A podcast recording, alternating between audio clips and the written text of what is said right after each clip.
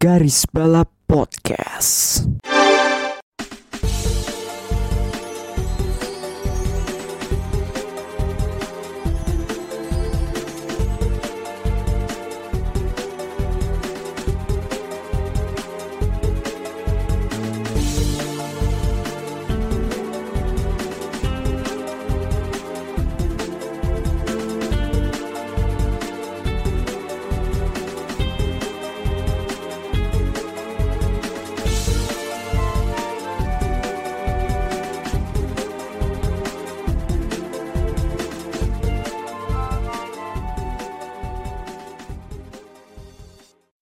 Hola, kembali lagi di Garis Balap bersama gue Bagus. Uh, kali ini pada episode ke-52 ya.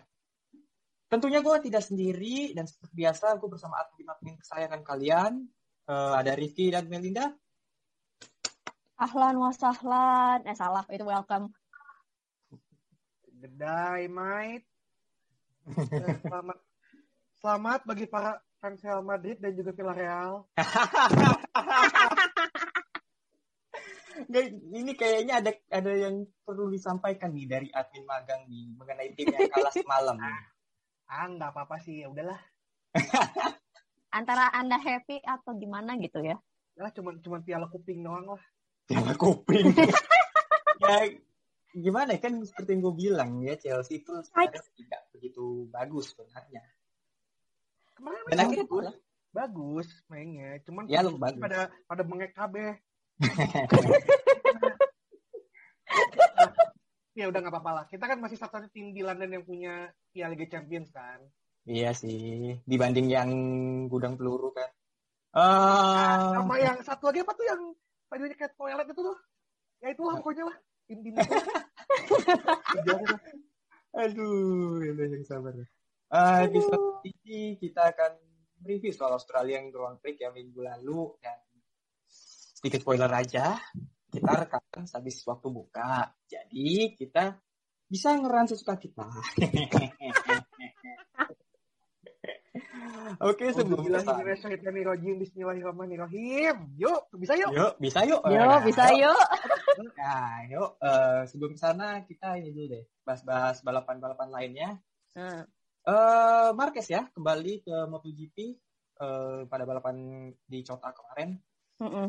Mungkin yang nonton, mungkin admin Ayang ya yang nonton ya. Eh, mungkin bisa... Luar biasa, saya hampir tidak tidur itu. Ngantuk saya nontonnya. Coba... eh, Chaos. Chaos. Nah, untuk chaos untuk yang Moto2 ya. Moto2 itu banyak banget yang eh, jatuh itu. Hmm. Wah, itu panen semua itu kayak. Ini saya bingung bahkan aku sampai bingung kayak ini Moto2 atau Moto3 nih. Hmm. Kan yang, soalnya yang biasanya yang banyak jatuh itu adalah di Moto3 gitu. Banyak banget tuh yang jatuh. Tapi ini Iya. ternyata Moto3 nggak begitu banyak yang jatuh gitu. Hmm. Dibandingkan dengan Moto2 gitu. Hmm. Ternyata malah Moto2 yang banyak. Hmm. But anyway, eh untuk yang hasil MotoGP ini, eh top 3-nya itu agak unpredictable ya justru ya. Eh, Di Iya. di start ini, start untuk kota ini pole posisinya dipegang sama Yuri Martin, tapi entah kenapa malah melorot gitu, Hmm. malah menghilang gitu. Hmm. Dan eh selamat kepada Enea Bastianini, Bestia, Iya. yang mendapatkan kemenangan kedua bersama Gresini Racing. Dan ini the power of tan antangin ya. Ya power of antangin. Eh, Pak Sandi. Pak Sandi happy. Kenapa? Udah Indonesia lah. Iyalah. Dan ini kemenangan pertamanya motor Ducati ya di kota. Sebelumnya kan eh, Honda terus gitu. Eh, iya, karena kan di sini kan kota ini menjadi salah satu happy hunting groundnya untuk Marquez terutama Ya. gitu. Hmm. Di sini dia jadi salah satu raja lah ya, istilahnya tuh. Dia sangat menguasai sirkuit ini dan itulah mengapa dia rela untuk skip Argentina, tapi dia bisa turun di kota. Meskipun itu dalam kondisi yang sangat riskan menurutku gitu. Padahal dia posisinya baru pulih dari diplopnya dia. Iya, dan dan juga waktu saat start itu melorotnya habis-habis kan melorot. Oh itu itu dia start dia startnya dari P P6 kan. Iya. Terus karena dia ada entah itu kesalahan gear atau apa, dia, dia jadi melorot di T20 dan itu ya ini benar-benar master kelasnya Marquez lah dari P20 ke P eh, ke P6 lagi tuh wow luar biasa itu mosak Iya. masiknya tuh hands down lah gitu Ya, Nah, itu, dia mendapatkan gelar juara tuh nggak hanya apa nggak bukan bukan tanpa sebab gitu. Hmm. Jadi eh apa ya? Jadi kayak ya ini bagus dong gitu. Berarti dia sudah menunjukkan kelasnya gitu. Hmm. Meskipun ya kembali lagi sih gaya balapnya masih seperti yang ya es Marquez gitu loh itu Marquez. Iya gitu. ya, this is- eh, di di apa namanya di pin klasmen ya Bastian ini mengambil alih. Eh, Mm-mm. dan sebelumnya Rins ya Rins atau Espargaro sorry Espargaro ternyata. Hmm. Em, di posisi pertama dengan 61 poin dan Alex Rins menyusul 56 dan Espargaro di posisi 3 eh oke kita ke roda yang empatnya ada ini nih ada kejadian yang mungkin bisa dibilang bikin kita geleng-geleng kepala yaitu ada insiden gestur ya, Nazi yang dilakukan oleh salah satu pembalap asal Rusia pada gelaran FIA Karting European. Hmm. Nama pembalapnya siapa? Artem. Artem ya. Ya Artem. Ya kita sebut Artem lah. Mm-mm. Eh, Dan menurut kita kalian sebut, deh, Kita, kita sebut the idiot lah. coba deh menurut kalian eh, apa penanggapan kalian mengenai eh, insiden gestur Nazi ini gimana? Magang dulu deh. Ini kayaknya bakal Magang. panjang nih. Ya magang dulu. Eh, gua speechless ya. Hmm. What an idiot. Hmm. Ngapain gitu loh? Lo, gue nggak tahu apakah dia paham. Hmm. Harusnya dia paham ya. Hmm. Harusnya dia belajar ya. Hmm. Gestur-gestur yang berbau eh, sebuah organisasi terlarang itu Hmm. sama aja bunuh diri sama karya lo sendiri anjing Enggak lo lo gue paham deh lo lo masih muda you made some bad decision but come on use your tiny little brain that you have gitu loh Hmm. At- Ya mungkin dia tidak mengetahuinya atau mungkin ya kurang dikasih sih. tahu mungkin. gue sih masa sih dia nggak tahu tuh Hmm. Hmm. ya Ya, se, ya. se uneducated uneducated educatednya dia gitu ya sebagai eh, atlet itu atlet kan rata-rata kan ya skip formal education lah gitu Hmm. sekarang gue lihat atlet yang eh, pendidikannya setara A level ya kalau di UK gitu kan ya kayak gue gue gue nggak pernah denger rata-rata kayaknya cuman GSC aja gitu kan Hmm. ya itu harusnya tahu sih Hmm. Ini udah di, udah di, dikasih tahu dan udah, di, udah dididik gitu loh bahwa gestur kayak itu tuh nggak boleh Hmm. gitu Iya, iya. Mungkin dari admin ayam? Eh, kalau dari gue sih sebenarnya em, dia posisi tangannya tuh agak low, eh, dia posisi tangannya tuh agak sedikit lower than I expected gitu, dan dia agak ngebengkok gitu tangannya tuh, jadi si sikunya tuh agak men, eh, menyudut gitu, jadi nggak Hmm. begitu, nggak begitu ketara kalau begitu tuh sebenarnya eh ya Nazi salut gitu. Tapi kalau yang gue dengar sih, eh, kalau yang gue lihat itu tuh sampai si timnya eh, Artem tuh World Racing tuh udah ngeluarin keputusan bahwa dia tuh eh, kotaknya secara imediat dan license-nya tuh yang kita karena dia kan lomba di bawah bendera Italia kan bukan bendera Rusia Hmm. gitu. Yes, yes. Nah, Nah, license-nya langsung dibekuin itu. Hmm. Tapi eh kita eh, kalau aku sih kayak ya aku sih berharapnya eh ya Artem belajar lah dari kesalahannya ini gitu dan ya aku harap sih kayak FIA masih kayak ngasih kesempatan gitu loh Hmm. meskipun meskipun ini ya kesannya kayak ya this is your the most stupid thing that you ever done gitu kan Hmm.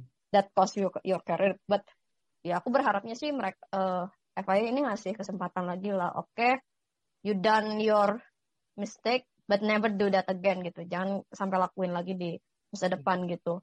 Karena eh ya gue yakin gitu kalau misalnya sampai FIA ngasih ban gitu eh dia bakal grow up hating racing gitu. Maksudnya tuh jadi malah Oh. ngebenci racing gitu Secara psikolog, psikolog Iya, ya. jadi secara psikologis tuh mereka dia bakal kayak eh dia bakal benci sama racing gitu, benci sama balapan.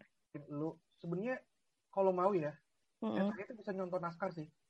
Mm-mm. Waktu jadinya Larson sama si apa si Harry Deegan itu Mm-mm. dimasukin kelas, Hmm. Iya dimasukin kelas Oh. ya. disuruh ini eh, kelas sen, apa so-called sensitivity training itulah. Iya iya itu bisa yang sih. dia Kayak belajar bahwa hey eh, this kind of gesture is not acceptable gitu loh. Bahwa Mm-mm. Ada things yang lo harus tahu gitu. Hmm. Eh, Mm-mm. things yang lu jangan jangan ini deh gitu. Mm-mm. Ataupun perkataan-perkataan yang ya lebih baik dihindari gitu kan. Mm-mm. Terus I think eh, kira-kira aja efeknya gitu kan ke Kyle Larson juga gitu. Iya iya. Itu waktu yang dia di tanda petik di cancel itu kan, Mm-mm. ya dia kan langsung masuk kelas sensitivity dan he learn gitu loh from that mistakes. Hmm. Iya bisa kayak gitu juga. Jangan jangan langsung di cancel tuh gitu nih anak masih Iya kasihan banget Iya. sebenarnya tuh cancel ya, canceling culture-nya tuh kenceng. ya dia masih bisa belajar lah gitu. Iya. Perlu di educated lagi sih sebenarnya. Heeh, heeh. Ya, edukasi itu penting gitu. Dan Yes, yes. Heeh. jadi catatan juga buat ke semua pembalap juga gitu. Terus mungkin sedikit FYI aja gitu ya, sedikit tambahan informasi mungkin yang nanya kenapa dia race pakai Itali gitu. Karena dibanding dengan negara lain, license Itali itu paling gampang buat didapetin. Hmm. Walaupun, eh, kayak gue dapet info dari pembalap-pembalap itu yang coba yang balap pakai license Itali, katanya itu lebih gampang dibanding beberapa negara yang persyaratannya cukup strict gitu. Jadi tidak tidak begitu ini ya. Itu susah. Yes. Oh, oke, oke, oke. Dan I think ini juga FIA juga harus turun tangan ya harus kayak meng kayak bikin kelas sensi, eh, sensitivity gini sih untuk semua kategori gitu. Iya. Dan juga ini pelajaran juga ya buat pembalap lain dan Iya ini pelajaran juga. Mm-mm. Oke, eh, kita pindah ke balap Amerika yang ada di Long Beach, eh, IMSA dan IndyCar. Eh, kemarin kita disuguhkan dua balapan yang apa namanya apa menemani, menemani kita sahur yaitu IMSA dan IndyCar hari Sabtu sama Minggu. Di IMSA sendiri dimenangkan oleh ci- apa apa satu apa eh, tim sat- tim Chip Ganassi satu dua Sebastian Bourdais dan Roger van der Zande dan diikuti oleh si Alex Lynn sama satu lagi siapa lupa gue. Oh ini All Bumper kalau nggak salah. Dan ya Chip Ganassi kembali lagi lah setelah di Daytona terseok-seok gitu ketiban sial lebih tepatnya. Dan Udah biasa Ya. itu. Udah iya, biasa. dan, dan juga ya makin mantap lah dilihat ini. Eh, terus juga ada IndyCar juga. Eh, pada dimenangkan oleh si siapa? Eh, Joseph Newgarden dan pole Garden. positionnya Colton Herta dan Dicet yang fastest lap adalah Alex Palou. Mungkin ada tanggapan mungkin dari admin Agang? Sepertinya. Kok Agang? Ah, Magang? eh banyak sih yang mau gue highlight. Hmm. Eh, tapi Pasti anda mulai misu-misu udah kemarin. Mari kita mulai dari pembalap favorit kita semua. Mbah Jimmy Johnson. Eh, gua, Ah, lu dulu apa gua? lu aja dulu. Tapi bentar. Oh sorry, gua gua ada ini deh. Eh, sedikit info. Jimmy ternyata harus ini eh, menjalani operasi. Yang tangan. Oh, Cedera apa? Ya itu kan tangannya. Itu. Dia masih Tangannya. pegang. Udah. I mean ya gimana ya? Eh ya gue tahu ini eh, tahun keduanya dia di single seater gitu kan. Sebelumnya kan dia nggak pernah eh, mengendari mobil single seater stock car terus kan. Eh dan juga gimana ya? Gue mau mengajarkan dia masih minim pengalaman. Cuma ya mbok lah kalau misalnya udah tahu mobil lu bakal nabrak tembok gitu kan lu lepas tangan gitu kayak lepas dari steering wheel gitu biar apa ya biar tangan lu tuh ya nggak nggak ini nggak kayak sekarang gitu cedera gitu jatuhnya meskipun dia masih bisa balapan ya cuma Kemarin balapan, cuman eh, baru dikonfirmasi eh, kemarin sih. Beberapa Hmm. tiga jam yang lalu baru, baru dapat beritanya. iya dan meskipun Harus, meskipun masih bisa balapan sih. Ya masih bisa sih. Katanya sih masih ready buat open testnya Indy sama Barber juga. iya so- soalnya dia ini kan sih apa namanya sempat apa uh, updatean terakhir dia posting lagi di simulator gitu, mempersiapkan Indy test I mean ya kembali lagi eh gimana ya? Ya ini pelajaran buat Jimmy sih. Itu itu nggak nggak apa ya itu pelajaran bahwa kalau lu misalnya lu udah bener-bener mobil lu misalnya understeer atau misalnya lu udah pasti akan ke tembok ya bo ya lepas gitu tangannya dari gitu loh. Iya lepas gitu ya. Soalnya kan gini nih eh, kenapa harus dilepas? Karena pada saat benturan itu kalau misalnya lu masih tangan lu masih di steering wheel itu bisa apa ya bisa terkena efeknya terkena efek benturannya dan entah gitu mengenai kar apa karbonnya setir di belakangnya atau pada giginya atau apa. Yang itu bisa bikin tangan lu ya wassalam. Gitu gitu. Loh. buat Jimmy daripada lu jadi bebannya CGR udahlah mending saja lu. Tapi ada. sejujur- tapi tapi sejujurnya ya di di oval di Texas kemarin bagus loh. Iya karena itu oval. Ya oval, sih Oval, nah, oval. Hmm, itu itu kandangnya Jimmy lah. Iya favoritnya lah ya. 10 puluh tahun kan mau karir di balapan stock car ya balapannya oval. Hmm. Yo, jadi emang emang road course ataupun street course ini nggak nggak bukan tanahnya Jimmy sih. Bukan kandangnya Jimmy. Udah. Iya. kasih aja ke pembalap lain gitu loh. Sayang kan nasi gitu loh. Ah, ya Gi. harusnya sih. Gitu loh sayang aja Hmm. tapi Mungkin- ada lagi yang lebih ada lagi yang lebih goblok sebenarnya dibanding sama Apa Jimmy apa itu Oton Herta Eh, Oh my god. Ton Harta eh, mencetak pole position ya rekor lapnya Long Beach tapi tapi ya Tapi ya gitu. kembali ke itu kecelakaan yang tadi yang dialami oleh Colton factory reset Herta Factory reset. kesalahan, Iya. kesalahan rookie lagi tuh Iya, gitu. Dan lu udah tahu apa ya, lu melakukan kesalahan seperti itu dan lu berani untuk ngomong F1 gitu loh. I mean lu belum siap lah. belum siap, belum siap gitu. Jadi eh ya matengin dulu deh di IndyCar gitu loh. Nggak usah nggak usah muluk-muluk ke F1 atau gimana. Dan juga di luar Colton ya, gua nggak nggak apa ya nggak yakin ada pembalap yang punya apa kapasitas mumpuni untuk F1 di IndyCar so far ya kalau menurut kalau untuk untuk line up sekarang ya. Kalau menurut kalian gimana? belum sih. Ya mungkin Pato bisa cuman kayak ya we need to get this campaign bener dulu gitu loh. Iya, ini. Iya. kalau emang dia dia pengen eh, ganggu ganggu, ganggu dikit Daniel gitu kan.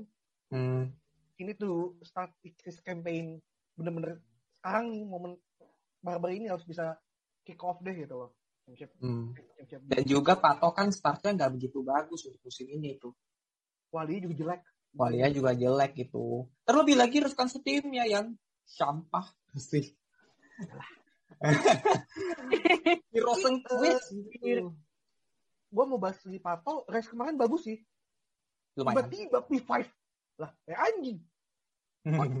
Tiba-tiba nih gitu loh. Gak adanya apa. Lihat loh kok udah P5 aja nih orang dan Hmm, hampir itu bisa jadi P4 kan kalau hmm. kalau dia bisa overtake itu power ya nggak salah ya Ya, iya willpower. Eh, terus juga Grosjean lah Grosjean what a, drive. What a drive. kan itu Oke. itu kualinya tuh Iya. itu kalau dia kualinya bener gue sih bisa nyium dia menang sih Tapi sebenarnya nggak perlu untuk kualinya misalnya dia sampai pole position, dia juga pada, pada balapan kemarin juga sebenarnya hampir itu loh. Cuma emang Joseph Ya, Gildardi cukup cepat ini- gitu. Eh, apa dia keburu ini sih eh, ke push to pass-nya habis geger battle sama ini sama Palo Iya. yang satu move gagal tuh loh di yang lap berapa tuh kan gue lupa itu kan dia kan move kan sekali tapi bisa di defend sama Palo itu kalau dia berhasil tuh move yang itu yang pertama harusnya sih bisa sih ngejar New Garden Hmm. tapi Dan- karena karena Gar- apa Palonya bisa defendnya bagus Romannya back off ya udah. Kacau. Tapi ya, pasnya tapi ya great race lah for for Grosjean dan mudah-mudahan bisa dapat race victory-nya lah. Ya, gue mau mengatakan itu sih. Tapi ada satu lagi yang pengen gue highlight dari balapan ini, yaitu kegoblokannya dari Simon, Simon atau whatever it pronounced, tapi kegoblokannya Simon Poggino, oh tato dan saya maksa banget side by side gitu. Ah gimana ya? gue Eh, pengen Simon, lihat sepatu deh boleh nggak kenapa? Gue mau Oh, dia pengen ngeren. Oke, oke, oke. Silakan, silakan, silakan. punten Simon goblok lu. Anjing. Ngapain coba itu lo maksa di situ? Iya, ya. dia tuh Jawa, dia tuh dia tuh juara IndyCar berapa kali? Satu atau berapa kali gitu di Indy 500 atau berapa? Gua lupa. Gak banyak sih. I mean, dia tuh pembalap berpengalaman salah satu yang paling pengalaman lah. Halo, dia tuh udah masuk pembalap sepuh gitu loh. Iya gitu loh. Dan dia rebutannya sama satu kan, satu sama satu. Iya. Ya dua-dua pembalap ini lah sepuh. Tuh pembalap eh, ini yang membuat para pembalap muda tidak promosi ke IndyCar. Eh gimana ya kalau untuk Pagino ya? Ya tolol Coba- tolol tolol sih gua rasa sih jujur aja sih. Ya, gue yang kasihan sih ini sih ke ke yang jadi ngurus taman itu sih Iya gitu loh. ke, ke pemerintah sana kayak anjing lah udah gue bagus-bagusin tamannya udah gue bagus-bagusin tuh air mancur itu kan pasang tanaman itu si anjing anjing Dirusak. itu Rusak. Ya Allah. Ya Allah. Aduh, it- Aduh ya gimana? Aduh goblok banget terkait Pagino tapi well race untuk New Garden ya ini good very great start banget untuk tim Penske terutama mesin Chevrolet Chevy iya Chevy Eh, dominance cukup cukup kenceng gitu sih dan semoga di lulusnya kencang sih ya di lurusan kenceng itu kekuatannya Chevy dan ya bukan nggak mungkin kita akan lihat tim Penske juara lagi gitu oh Penske full senyum Penske full senyum gitu kan oke apalagi kalau bisa menang kalau bisa menang ini lebih-lebih sih Iya, jelas. New Garden, McCoglin, sama Will Power. Ketiganya udah, eh enggak sih, McCoglin belum ya. New Garden sama Power dong yang baru menang di, di 500. iyalah McLaren kan masih rookie tahun lalu Iya, Michael McCoglin ya masih masih rookie. Oke, kita eh, tinggalkan in, apa Long Beach, kita beralih ke Melbourne. Eh ini dia yang ditunggu-tunggu pembahasan utamanya. Eh, ada banyak sekali yang di highlight gitu kan pada balapan di Melbourne ini dan ke- balapan Melbourne kembali lagi setelah 2019 yang sebenarnya 2020 tapi karena ya COVID udah udah udah jangan itu itu fase tergelap itu F1 tuh. Iya, tapi masih bisa. Tapi kalau dari gue sih masih bisa dimaklumi sih. Dan ya sempat jeda berapa bulan. Tapi eh, dengan layout baru ya, dengan beberapa tikungan yang diperbarui juga dan eh dan ya kita ngomongin kualifikasi. Eh kualifikasi. Eh, gue sebelum ngomong kualifikasi ya Hmm? gue mau lihat dulu dong jumlah penontonnya Oh ya jumlah penontonnya sekitar 420 ribu ya dihadiri. Itu gila. Sebenarnya kurang sih.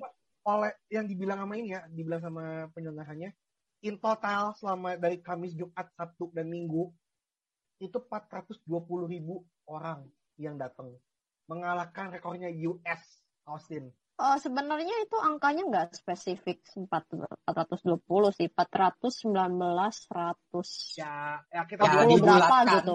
Dibulatkan. Dibulatkan jadi 420 gitu. Ya anggap aja ada penonton gaibnya gitu kan.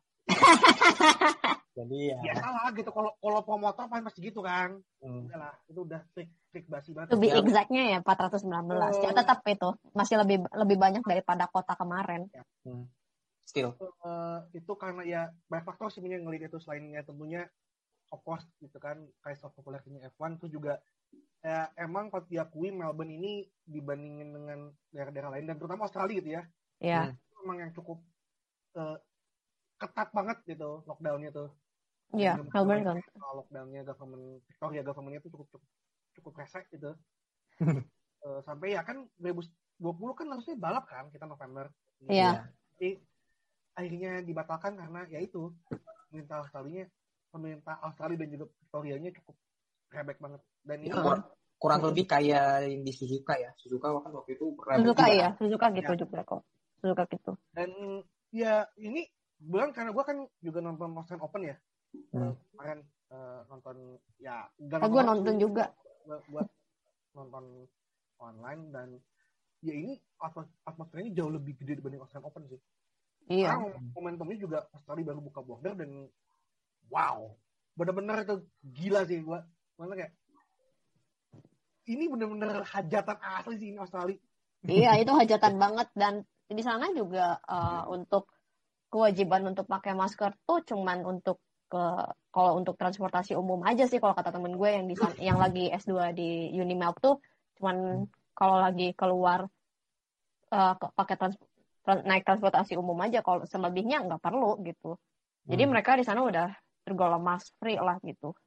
Jadi Hmm. mereka udah santai banget gitu. Udah banyak yang datang datang ke sana tuh udah ya hahaha aja gitu, nggak perlu mikir apa itu social distancing dan teman-temannya gitu. ya apa ada kebijakan untuk misalnya ya bagi yang penonton yang mau nonton itu harus divaksin atau enggak ya? Soalnya Eh, gua- setahu gue enggak deh. enggak ya? Wow. Tahu gue sih enggak sih.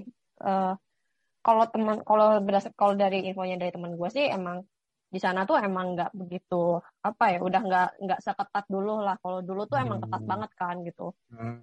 sampai border close Yes. yang kalau sekarang tuh bener-bener free aja gitu bebas Hmm. Oke oke oke.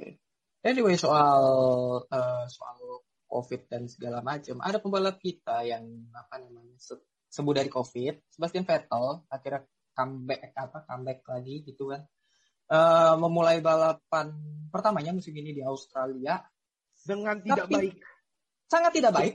sangat tidak baik say tidak baik, sangat tidak baik. Eh dari apa dari yang free practice pertama yang kata dia scooter, yang free practice dua dia nggak ikut ya. Nggak turun. nggak turun nggak Turun. turun itu tuh Free practice tiga juga ya begitu gitu loh. Pin. Zebin Dan di kualifikasi ya hampir nyaris nggak ikut. Dan terima thanks kasih. thanks to uh, Latifi dan Stroll. terima kasih sudah memberikan apa buying time buat mekaniknya Vettel untuk memperbaiki mobilnya biar bisa cetak waktu Nggak, itu gue Ah. balik jadi Aston ya kayak, oke gue berhasil nih, gue balik satu mobil. Anjing. Habis lagi duit. Habis Untung- duit dah. Untung duit bapaknya yang dihabisin. Gak apa-apa lah. Terus terus terus terus terus. Habisin aja, habisin aja. Habisin tapi aja Udah, udah, udah, udah, udah, udah. Tapi ya meskipun Wingback gitu Jordan udah gue mah. anjir Vin. Wingback Jordan Halo, ya halo Om Edi. Daripada ini tim Sylvester dipegang sama bangsat satu ini yang namanya sekolah ini, mendingan lo ambil balik deh. Beli balik deh. Ya gimana? Udah jauh lebih ramah kok dibanding tahun 2004 2005. ya gimana ya soal Aston Martin ini? Nanti kita bahas tapi ya syukurlah Vettel apa menyelesaikan satu lap. Ya selesaikanlah jalankanlah walau hanya satu lap gitu kan. Dan ya ya Vettel. Lalu kita ngomongin soal insiden Stroll dan Latifi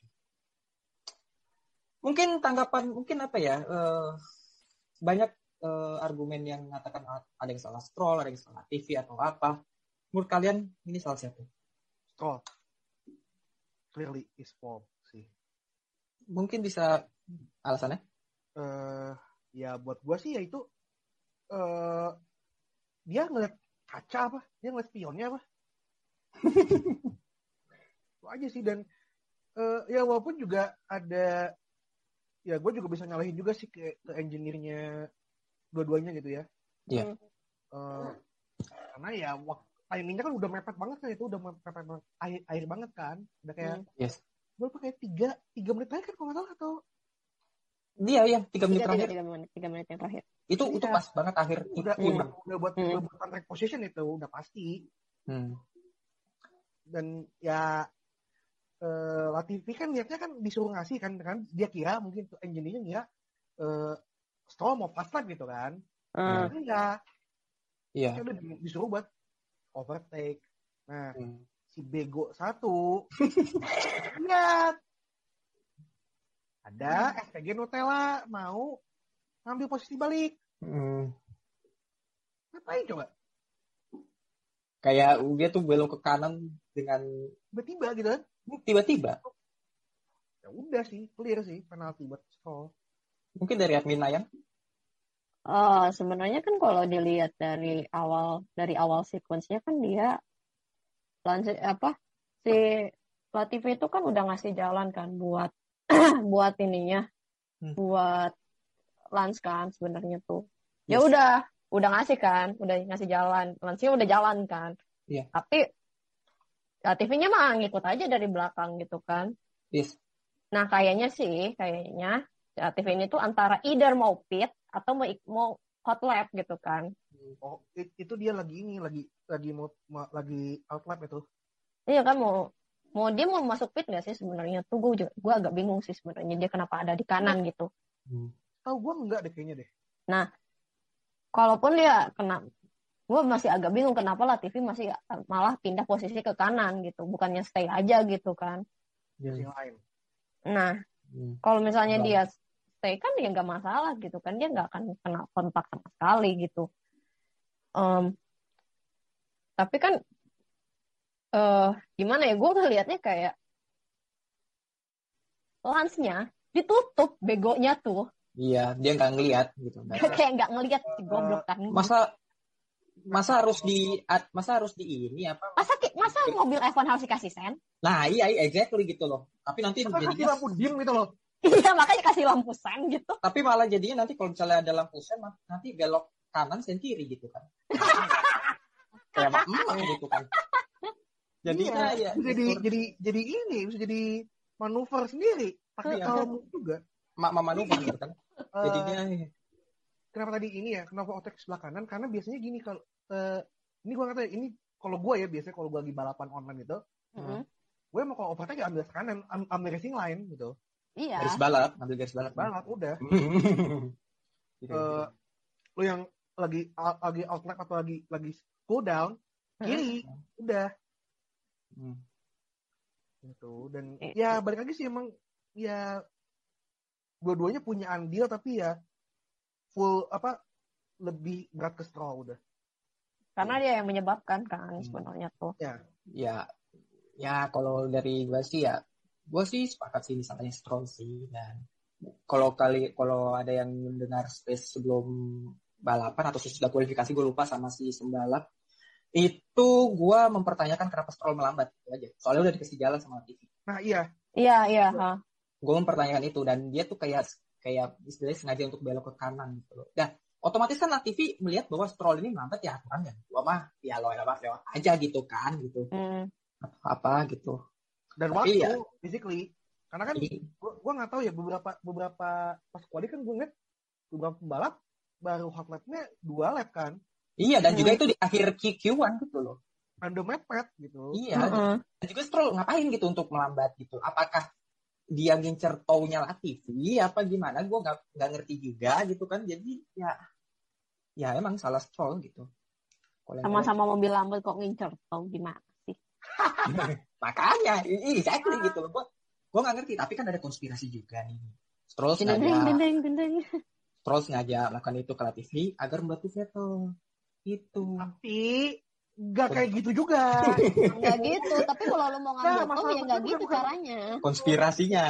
bukan gitu ya mikir aja itu beban buat duit tim anjing dua-duanya bahkan kayak resourcesnya dua tim bahkan lah Iya sih. Itu kan Bener, si- bener, bener. Mike aja bilang kan ini kita sering celaka gini ya berpengaruh besar buat kita progres kita mau ngembangin mobil Ya.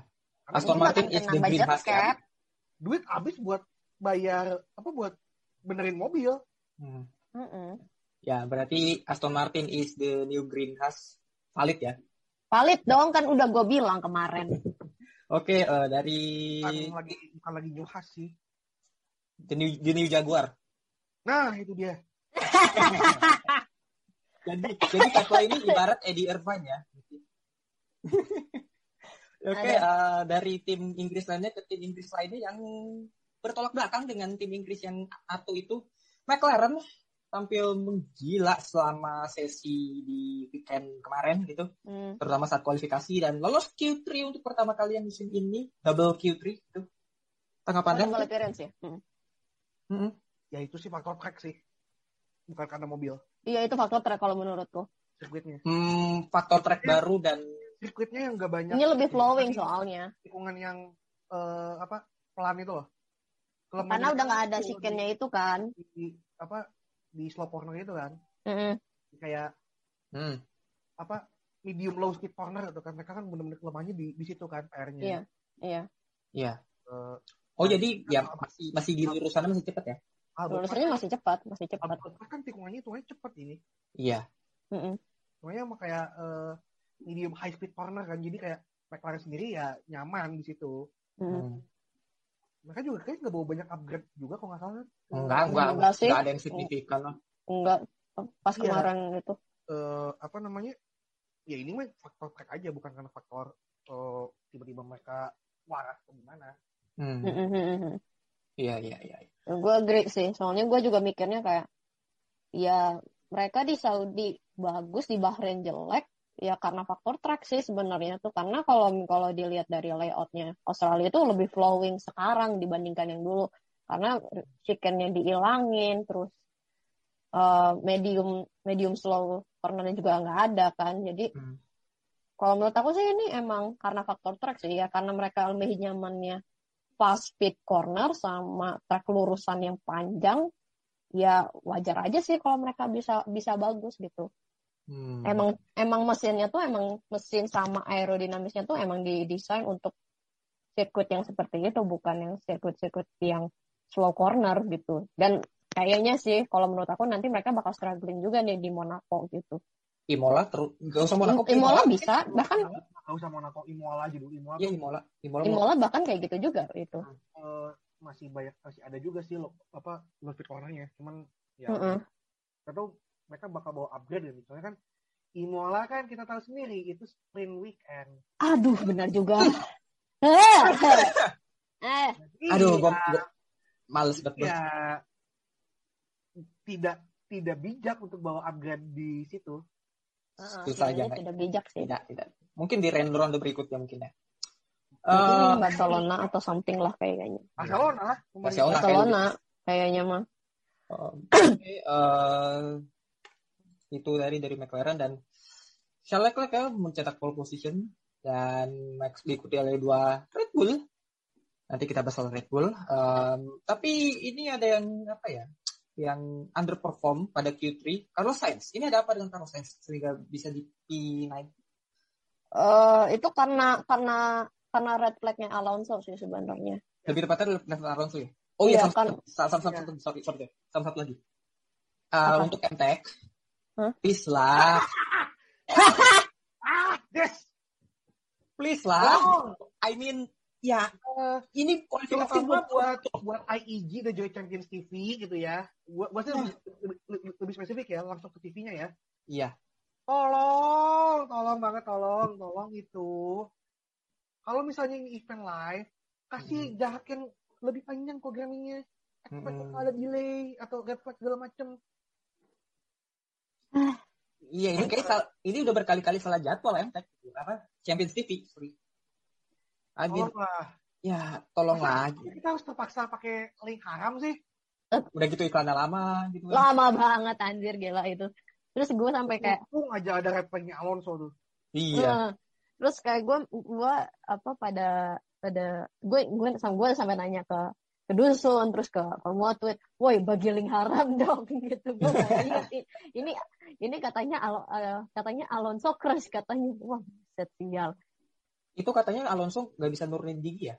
Pada saat gearnya di- stuck katanya tuh. Gearnya stuck. Eh, dan mau tahu kerusakannya apa bagian partnya tuh yang rusak berapa harganya? Satu Berapa? setengah pon. Yes. Alias cuman satu eh euro. Satu euro atau satu Eh, satu setengah pon? Satu setengah pon satu setengah pound sorry sorry satu setengah pon berarti kisaran eh, 20 tambah 20 tambah 10 30 ribu tiga puluh ribu. Gara-gara part 30 ribu doang Tapi ya bisa lah gitu. Ah ya udah. Parah banget. Kenapa? Balapan. Oke, eh, kita ke balapannya aja. Eh, tadi tadi mungkin adik admin Aing mau ngurusin lagi sains tadi.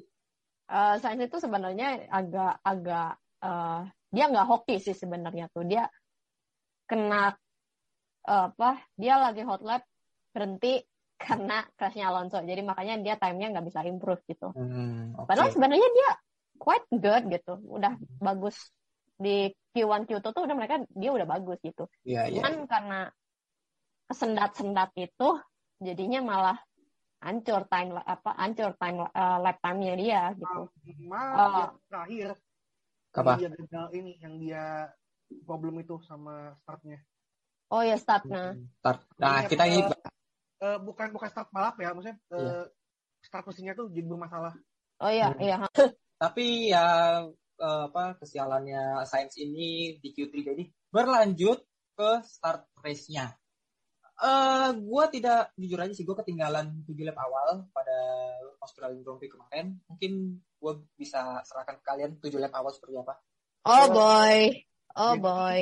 Startnya Sainz tuh kenapa dia jelek? Karena dia ganti steering wheel dan itu konfigurasinya ada yang problematik gitu. Jadi dia slow pas, apa udah pakai ban hard Hmm. startnya, terus eh, ya itu eh, problem with steering gitu dengan dengan, dengan steering wheelnya. Jadi eh, gak ke apa jelek ah gak, gue nggak tahu deh gue lupa apakah badly configured atau gimana gitu kan Hmm.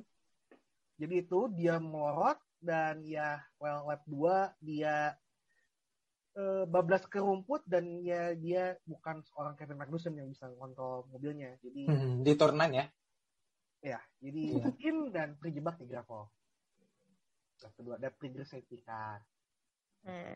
Kalau sendiri nggak ya selain Sainz nggak ada lagi sih ini. Cuman paling ini sih eh McLaren yang cukup panci di awal-awal sempat bisa battle sama Mercedes Hmm, awal itu aja sih. iya iya iya. iya. Misalnya Boleh lihat. Leclerc bablas terus jauh. Gila anjing. Tapi Le- Leclerc ini mendominasi banget. Gila itu. Iya. Oke, eh, apa lagi ya? Habis itu kan ada insiden lainnya lagi kan si Seth. Seth lagi ya emang Aston Martin ini emang forfeit season, eh forfeit season, forfeit weekend sih kalau gue sih. Eh, I mean, ya Seth sih terutama yang baru banget balapan lagi gitu kan. Ya, Dan juga di free practice juga. Kenapa? Baptism by fire ini. Hmm.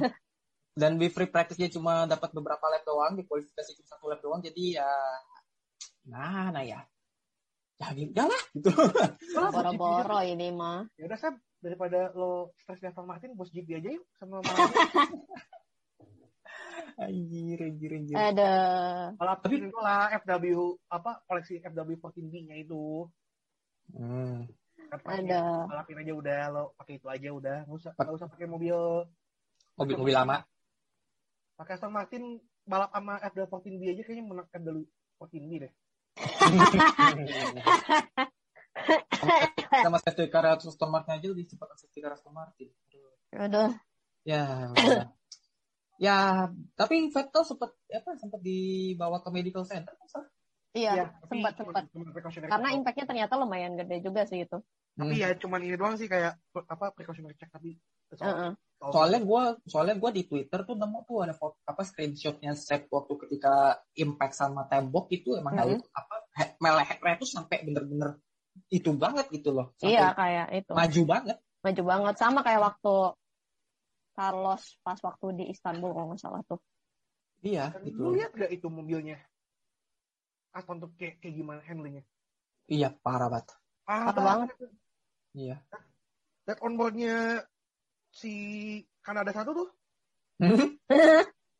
wah gila sih itu Hmm. hancur itu handlingnya tuh tiba-tiba tiba-tiba ngiri lah kayak nggak tahu nih mobil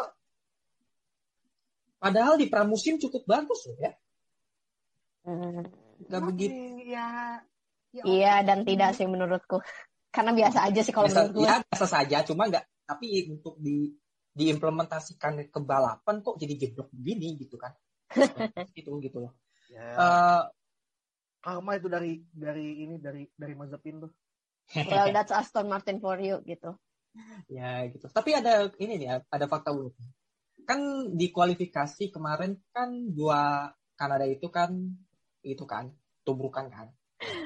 Itu bertepatan dengan ulang tahunnya Jack Williams.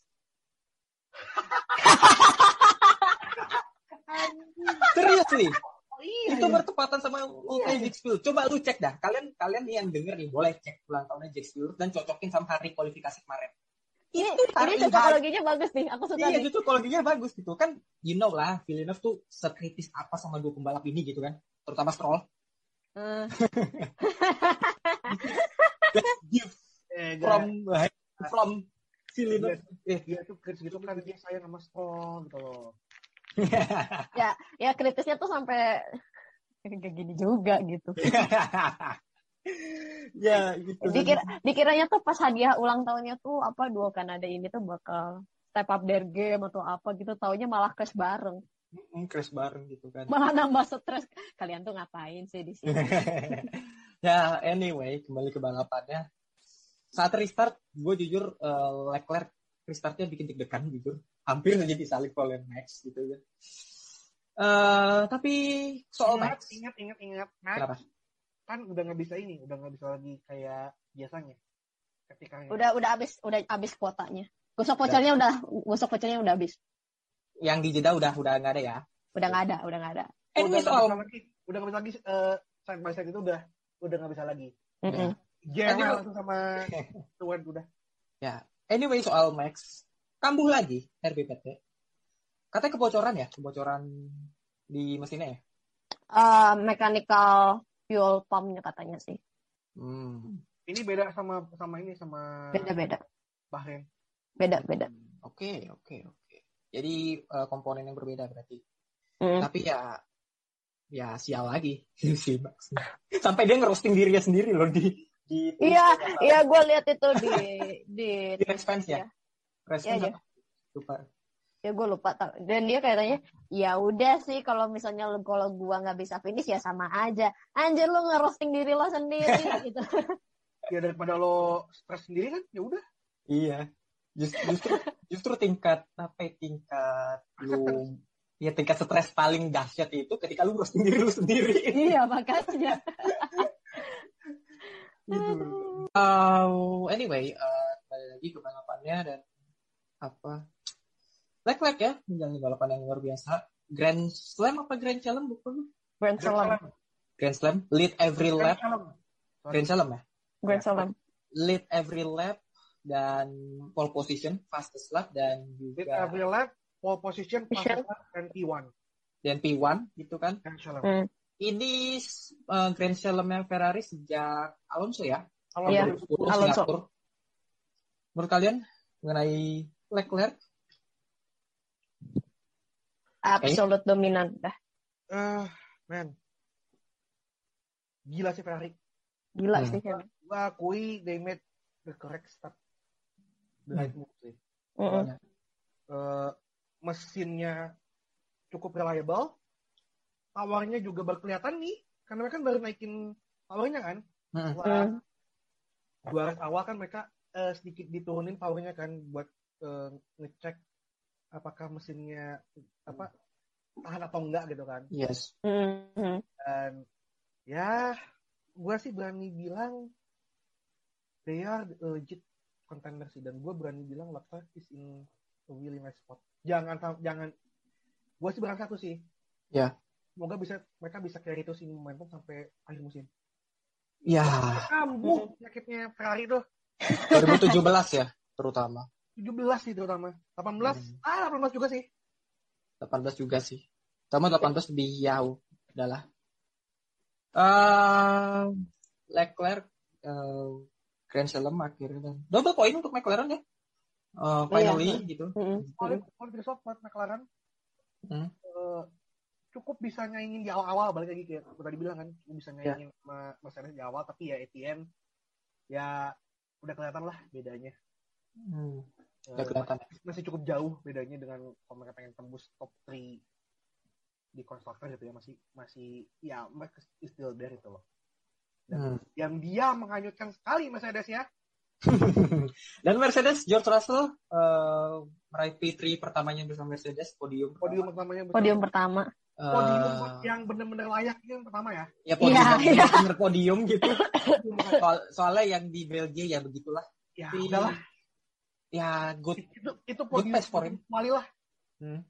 gitu dan ya beruntung sih eh, Russell ketolong sama safety car Iya. hanya berarti safety car-nya eh, fatal Mm-mm. jadi eh ya Hamilton udah pit tapi ternyata eh satu lap eh, berapa lap setelah itu ya Vettel harus safety car jadi rasa dapat free pit stop dan eh, Lewis juga katanya ada sedikit problem sama engine ya makanya ada radio itu kan jadi buat klarifikasi Hmm. hadiah itu bukan soal pengen minta si Paus buat intervene itu enggak gitu. Ah, bang- katanya sih ya itu Hmm. really engine apa they have to ngurus engine problem karena Hmm. bersamaan Lando juga gitu Hmm, berarti Oh, iya. nggak hanya untuk Lando juga nggak hanya Mercedes aja ya? Heeh. engine problem Eh, Hmm. makanya eh, tapi Daniel juga gitu Mm-mm. Daniel bilang gue gue bisa overtake kan nih Lando nggak keep your position gitu Hmm. Tapi juga- sih itu kan, tapi bukannya yang yang Lewis tuh dia katanya ada satu sensor lagi tambahan eh, di buat- aku lupa deh di depan atau di mana oh gitu di ya floor di floor di floornya Di floor. kan floor yang Oh, ya, iya. bener. ya tambahan. dan itu nambah satu setengah kilo lagi katanya tuh Hmm. makanya itu agak kenapa mobilnya Lewis itu agak sedikit lambat dibandingkan mobilnya George gitu dan ini juga kalau aku bilang sih kalau aku mikirnya gini pas yang mobilnya Max itu uh, mesinnya kebakaran Hmm. itu sebenarnya itu hasil gosok vouchernya George itu bener juga ya Bener juga ya. lah lu kira podium dia itu apa nggak Ya, tidak hasil overtake tidak itu hasil gosok voucher Soalnya nyaris nggak ada aksi apa-apa dari dua Mercedes. iya Vettel sama Ceko doang Norris Iya, sama Ricardo pun juga enggak. Gitu. enggak gitu awal doang Norris sama Daniel tuh ini Hmm. ini ini gue bisa overtake nggak nih sebenarnya balapan ini kalau pengen harapinnya overtake yang banyak Enggak juga ya. boring sih Rada boring sih. karena emang ya eh, kejebak di RS Hmm.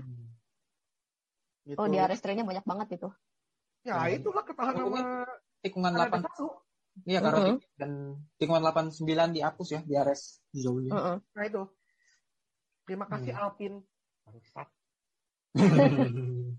itu itu sumpah Kak, dari eh, yang di restrainnya itu kan dari Lance Pierre eh udah itu apa lagi eh, Al- eh Alonso eh, eh, bawah. Nando eh, Nando terus Hmm. eh, empat dong kalau nggak salah di restrainnya tuh. Empat oh, empat car ber- berjajar isinya tuh kayak.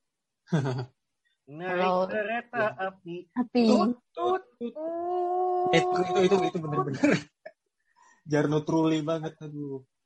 Ah, anyway, eh, kita dan ke tahu dan- siapa yang diuntungkan dari itu train? Siapa? Alexander fucking Albon. Saya baru Albon yes. Dia melakukan strategi satu pit stop di akhir di akhir lap ya. Tapi ada ada apa ya? Tapi ini bodoh juga sih. Itu ada orang-orang masuk ke pit stop tuh ngapain? Pada saat album pit stop itu. nggak mungkin dia Nah. lupa kalau misalnya dia tuh kalau Albono tuh belum belum fit gitu. Dia lupa mungkin. Jadi kiranya udah. Panpolnya lupa loh saking Albon nggak fit fitnya sampai lupa tuh babas tuh eh anjing ya lupa nih ada satu mobil nih Udah kayak pariwisata gitu. apa gue pariwisata lupa ya. eh gue udah share meme yang ini belum sih yang ya kalian kalian eh kalian fit karena losing grip gue fit karena harus comply sama regulation Tapi ini big way ya untuk Williams ya. Pace wise bagus loh Williams tuh bagus banget bagus banget Lumayan, lumayan. Albon dia terutama gitu gua gua nggak ngomong Albon. yang sama Eh, beban beban timur itu mah cuma buat duitnya aja Heeh.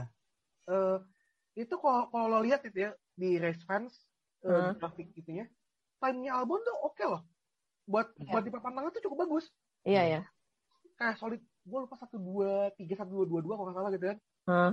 oh, time-nya cukup oke gitu loh dan bisa nahan satu orang Frenchman yang namanya Esteban Ocon itu itu gila sih Ya, itu itu bagus ya itu gila keren Bagus. banget dan, Dan itu, dan itu andai kata pit stopnya nggak nggak lambat tuh nggak nggak ketahan pit stopnya Albon P9 bisa bisa dapat sih. Iya soalnya jarak Gasly sama Bottas cukup jauh juga sih. Jaraknya tuh jauh dan keta ketahannya tadi stall. Hmm. Jadi in a way Stroll tuh tidak tidak membantu dirinya sendiri, tapi dia bantu Williams gitu. itu itu kayak bentuk tanggung jawabnya dia gitu loh. Yang gue juga Iya kayak, iya iya. anjing, album mau kapan fitnya anjing, buruan. Gue udah kayak denger, ayo lalu. Gue gue pengen poin nih William nih lo. Kas kas William kan poin. Iya iya iya iya. Itu yang itu yang di space juga banyak yang kayak gitu ya kemarin ya. Iya. Shows that ya Alex is a good driver sih. Hmm. Really Mm, good. mm, mm, mm. Dan dia dan dia bisa mena apa namanya memakai ban yang segitu lamanya ya. Dan Eh, dia kan surprise ini packingnya emang anteng sama ban C2 ya? Dia pakai ban C2 kok. Hard Iya, C2 kan? pakai C2, Heeh. pakai C2 paling paling gini. Heeh. Dan That was a solid solid drive from him. Iya solid Iya. Soalnya kan- mobilnya juga, ya gue juga kayak, loh kok ini mobil bagus ya pace-nya ya di pakai hard gitu loh. stabil ya, stabil. Enggak turun gitu loh. Hmm. Ya, dan dengan Williams ini namanya meraih poin ya, menjadikan Aston Martin satu-satunya tim yang belum meraih poin saat ini. Yes. Ada. Dan ini Kutukan start Valkyrie, terburuknya mereka setelah 2009. Force India ya saat Force ini. India masih Force India. Force India. Ada. Dan Alex Albon sendiri dengan apa ya, dengan stint yang begitu panjang dengan ban hard, mengingatkan kita sama Rio Haryanto yang memakai ban gila. soft selama 48 lap itu gila ya. Ya tekniknya Dolores kan cuma satu lap doang. Iya, Iya. Pas dia tuh pit tuh eh, pas pas lap-lap awal gitu. Terus dia Hmm. ya udahlah. Lap pertama, ya nggak sih? Kan Iya lap pertama. Dia nubruk sama Gutierrez kalau nggak salah. Gue masih ingat itu. Ya, jadi untuk anyway untuk Aston Martin ya Ya ini Respect, ini alhamdulillah. ini karena karena nggak nurunin Valkyrie sih jadinya gini kan. mau Nggak, eh, nggak sih, nggak sih. Apa apa? apa Sama Kopas Mercedes. ya sudah em, kita kembali hasilnya saya Leclerc posisi pertama dan Sergio Perez posisi dua dan Russell posisi tiga. Ini makin mengokohkan Leclerc di posisi pertama eh, dan Russell secara mengejutkan posisi dua Yang klasemen. kan. iya dan ini unpopular opinion dari gue ya. Apa? entah kenapa Mercedes menjadi tim underrated ya.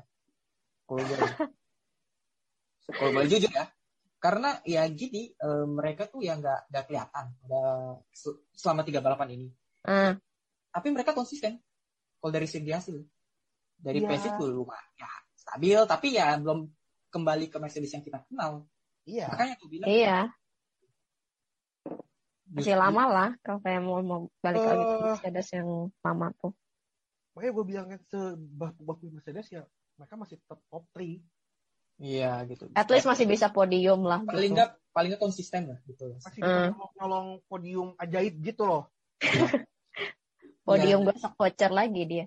Iya dan juga ya sempat singgung-singgung kan Russell sama Horner mengenai mengenai soal reliability. Anjir, nah, itu mah capek gue ketawa. Sekali itu Russell. Oh, gitu kan. Itulah yang Oh, mengakibatkan kenapa Max menjadi ros- merosting dirinya sendiri. Iya. Eh, but lo liat gak yang postingnya ini, yang postingnya sosial media Mark Yang Iya. yang yang eh, adalah kayak gambar itu orang-orang pada ribut ini Mercedes sendiri doang anteng gitu loh. Oh iya iya gue Ya, ya. ingat. Oh baru ya baru ya. Baru baru yang baru itu. Ya, Baru ya. baru itu. Gue lihat gue lihat. Itu lah Mercedes. AM itu Kita banyak sedikit banget. KM coba. Sok ya. Hmm. Nih. Gue sedikit kasih kuliah dikit lah gitu.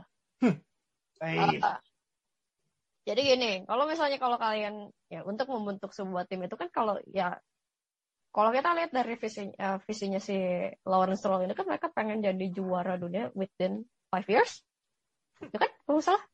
Ya kurang lebih begitu tapi untuk sekarang I don't think so. I don't think so kan, makanya lu aja, eh, gua aja melihat kayak begini aja nggak yakin gitu, apalagi semuanya kan gitu. Hmm. kalau di breakdown kan artinya mereka harus menyiapkan resource-resource yang cukup untuk bagaimana untuk mengachieve eh, WDC ceritanya WDC eh, Hmm. 2000 berapa tuh? WDC. 2027 gitu Oh, Kalau kan. kalau WDC gue nggak yakin lah. Kalau WCC lah. masih, masih ada Lance di situ gue gue nggak yakin lah. Kalau WDC untuk Lance enggak sih? Enggak lah. Ya? Gue juga masih nggak yakin kalau misalnya mau WC apa WDC untuk Aston Martin gitu. Gue masih menjagokan yang lain gitu. Sorry to say, sorry, but uh, Lawrence, you are not my first choice when it comes to WDC, oke? Kalau dari gue ya, Ah. kuncinya adalah Lawrence need to shut his mouth Oh yes, Iya. yes, Let- please. and let the team do its job gitu. Ya, do its job. Sebenarnya Ya. ini juga sih. Dia Karena hanya kalau apa ya? gua- sorry, sorry dia Problem- Problemnya ada di, di, di Lawrence buat gue. Iya, sebenarnya iya. Kalau gue juga ngeliatnya juga gitu. Kalau soal duit kan mereka nggak kurang. Kan Gue ya, berlimpah bahkan. Lawrence kan yang istilahnya yang ini kan distribusiin duit ke Aston Martin gitu loh. Dia Iya. hanya sebagai ya udah gue kasih duitnya ya udah lu sisanya terserah lu ngapain gitu. Ah, ah, ah. Nih tim bisa ke jalan yang benar, tapi ini Lawrence turun tangan juga gitu sampai segitunya. Padahal mah Banyak ngerecokin.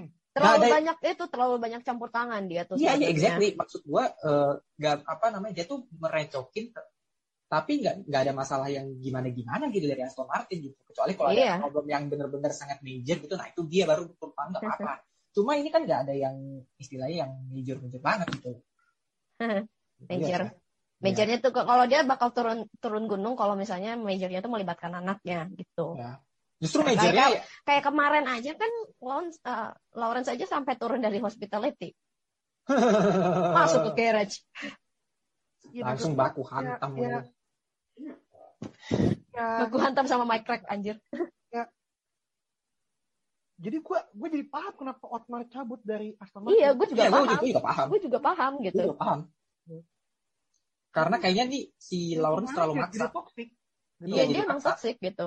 Dan gue sangat menyayangkan karena because uh, gue punya respect yang cukup tinggi ya buat tim buat tim Silverstone ya ini ya. Hmm. Gue gue ngomong Aston Martin tapi gue ngomong tim Silverstone gitu ya. Orang-orang yang emang dari dulu always punching beyond their limit itu loh. Kayak Iya. ya lihat aja zaman-zaman Force India, zaman-zaman Jordan itu kan. Hmm. Budgetnya seberapa tapi hasilnya cukup oke gitu kan. Hmm. Iya. They can punch above their weight itu kan di ya 2018 kalau nggak karena masalah finansial itu kan Hmm. ini duel itu loh. Iya, they do well, they do well. Tapi ya Lawrence ini loh yang yang ya well ini tuh shut his mouth itu loh kayak ya lo percayain aja lah semuanya ke tim ini gitu loh. Hmm. Ini tim tuh bukan tim ecek-ecek lah gitu bukan not, eh, kayak tim papan bawah ke selevel ya saya kayak kayak Has dan kawan-kawan gitu loh. Hmm. Ya ini tim tuh it's a solid midfield driver apa midfield tim. Resource juga banyak gitu kan. Banyak. Oke.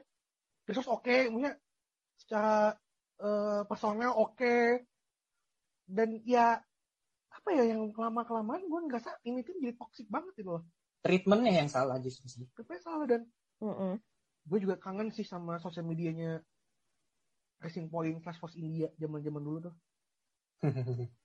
Kalau korporat asshole sih buat gue.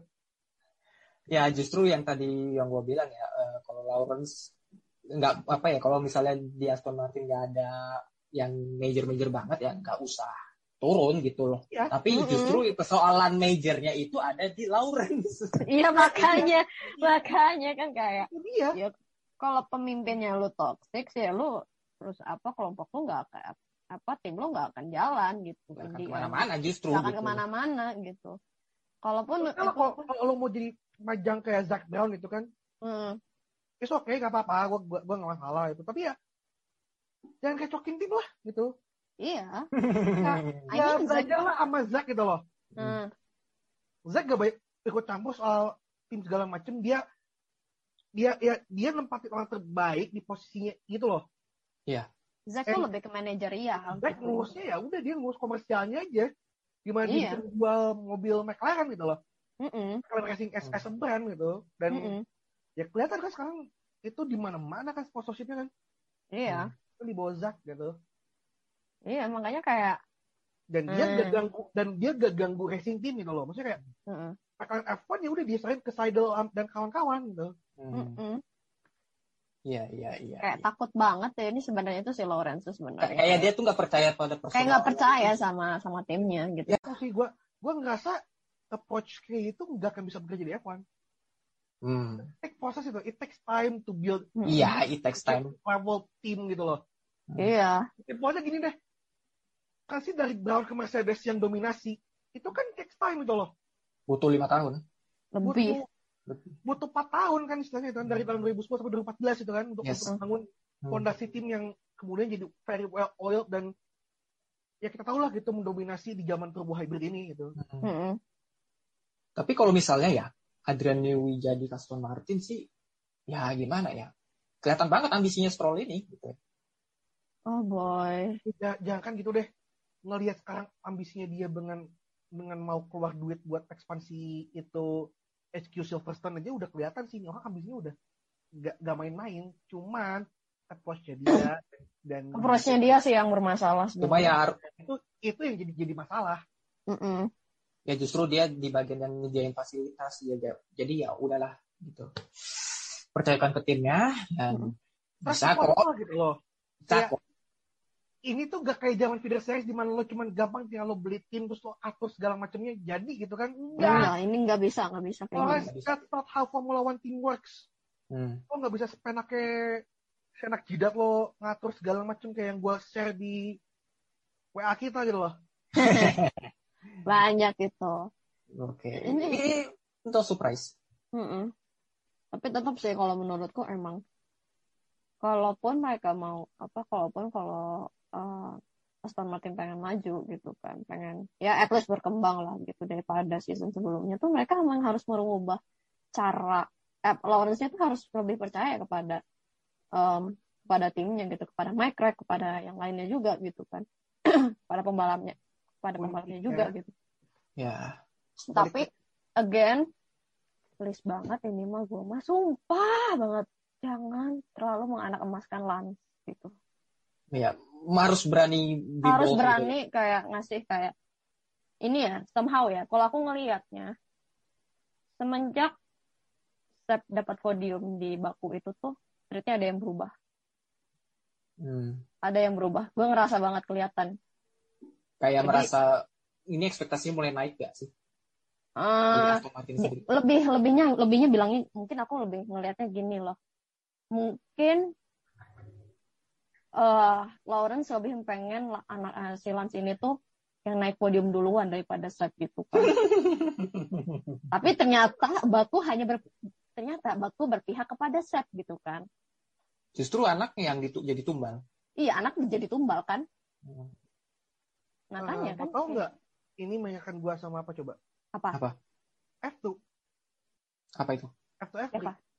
Sebastian masuk ke Aston Martin simply buat jadi gurunya Lance. oh iya Iya, kalau itu ya, iya. pasti lah itu mah Gitu aja sih. Mm-mm. Antara jadi role jadi guru ya buat Lance atau emang ya dia ya susah. eh ngerasanya kayak eh oh come on gitu kan pasti you can do better lah gitu kan in the way you treat the driver gitu Hmm. ya gue tahu Sep itu salah satu orang yang dengan gaji F1 yang tinggi gitu kan Hmm.